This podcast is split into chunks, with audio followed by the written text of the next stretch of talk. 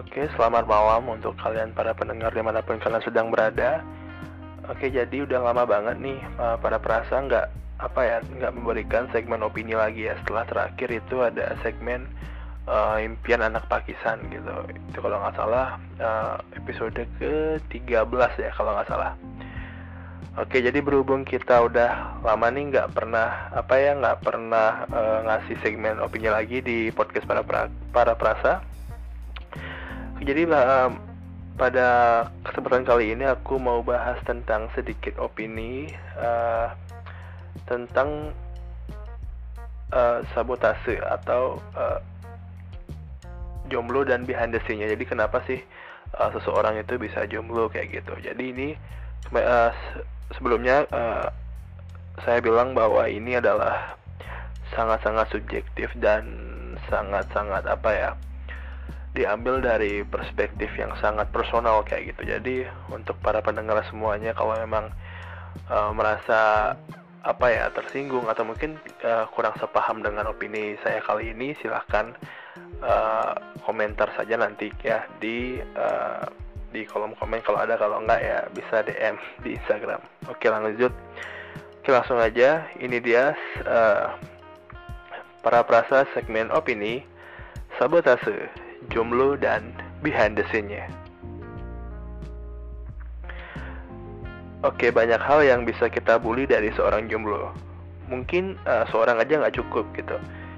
Banyak hal yang bisa kita bully dari orang-orang yang jomblo. Nah, mengapa dibully? karena rasanya dunia terlalu sopan jika hanya sekedar menanyakan kepada mereka, "Kamu udah punya pacar?" Sebagian akan uh, lebih nyaman bilang, "Makanya jangan teori aja dong." Awalnya saya uh, awalnya saya nggak terima juga uh, uh, perihal hal tersebut kayak gitu. Mungkin kawan-kawan uh, kawan-kawan joms gitu ya, kita sebutnya para jomblo itu kawan-kawan joms uh, akan setuju jika berkata bahwa pengalaman kita tentang pengkhianatan dari kisah cinta sebelumnya adalah tangkisan terbaik yang uh, bisa kita yang bisa kita berikan untuk mematahkan pandangan tersebut kayak gitu. Namun beberapa tempo terakhir, saya mulai menelaah kembali perihal kejombloan ini. Saya juga merupakan seorang joms yang telah bersolo karir di dunia perasmaraan selama lima tahun terakhir.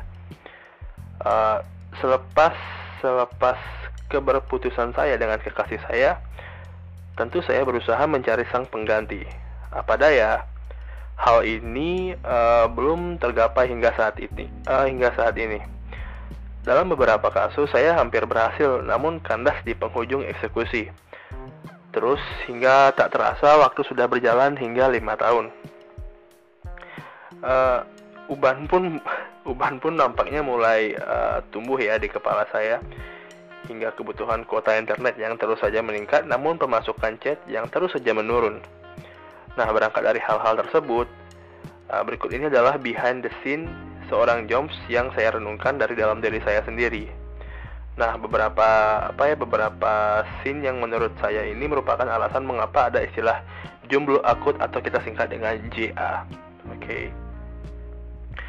Oke langsung aja nih kita menuju ke scene yang pertama Oke yang pertama itu ada scene satu Bertemu dengan cewek atau cowok yang kita sukai uh, Nah Pertemuan Pertemuan dengan seseorang yang mampu melebarkan pupil mata alias seseorang yang menarik perhatian uh, Sudah tentu menjadi hal yang diharapkan oleh Jones Tak tanggung-tanggung pertemuan bisa terjadi karena uh, kesengajaan maupun ketidaksengajaan Nah, kesengajaan biasanya melewati tahap stalking di akun sosial media.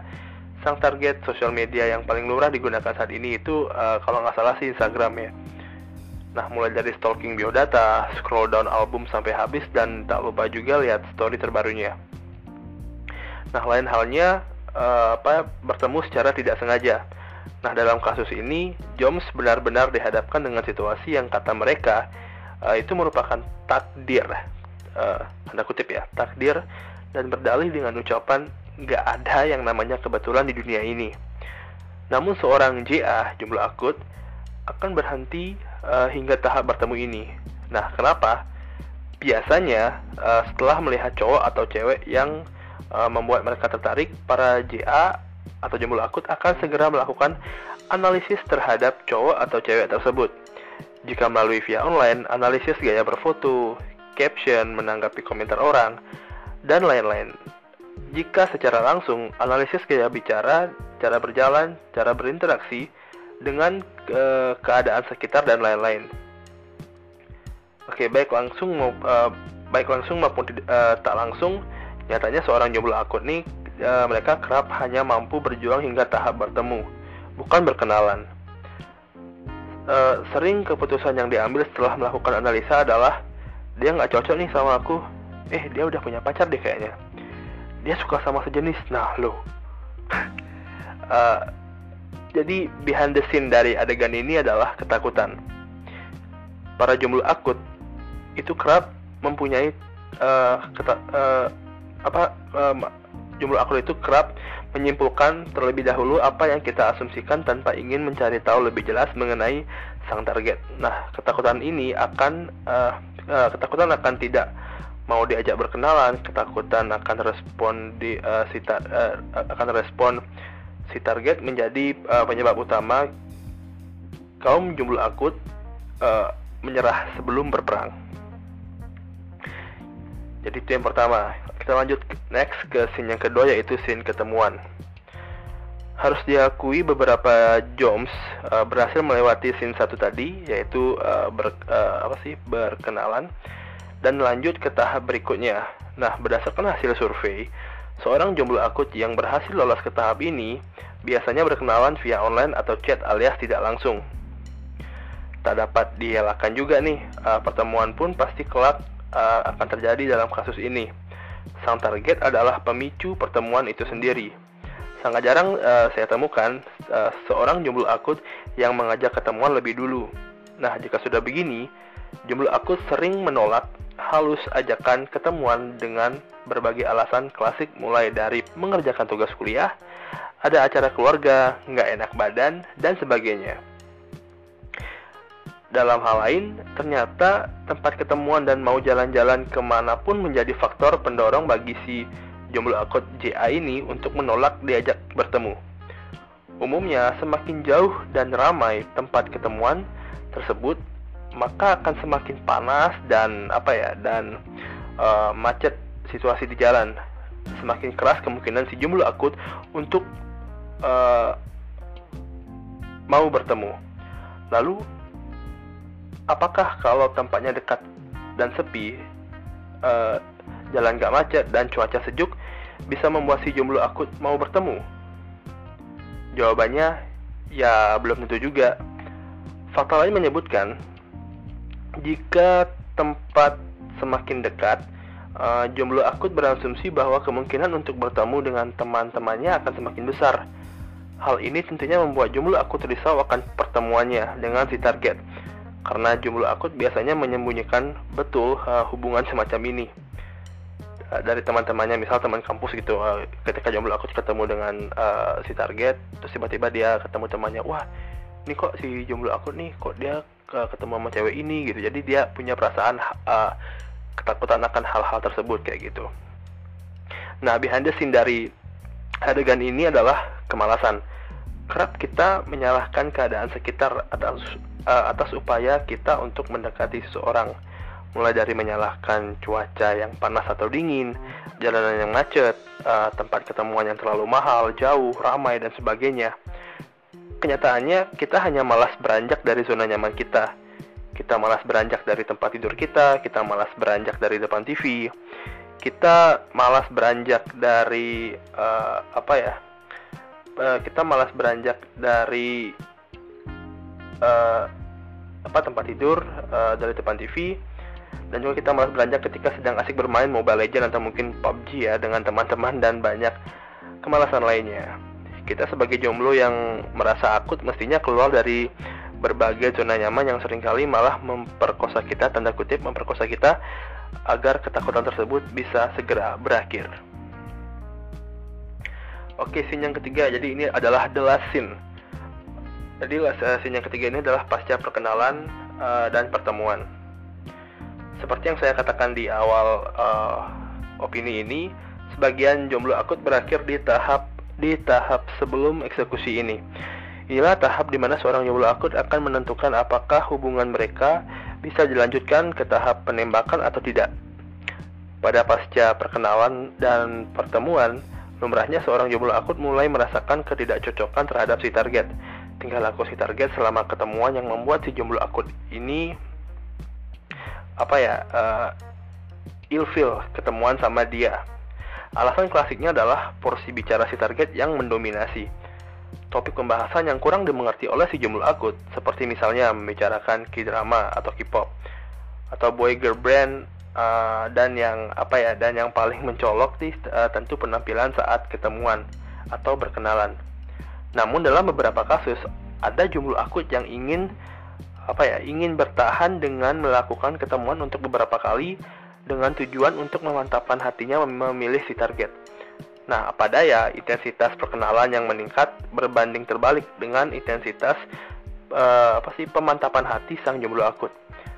Nah, seorang jomblo akut akan berakhir uh, uh, akan berpikir makin sering ketemu kok malah makin ngerasa nggak nyaman ya. Belum lagi ketika diajak teleponan malam-malam. Antara pura-pura ketiduran atau HP lagi lobet adalah alasan terbaik yang selalu seorang jomblo akut berikan kepada si target.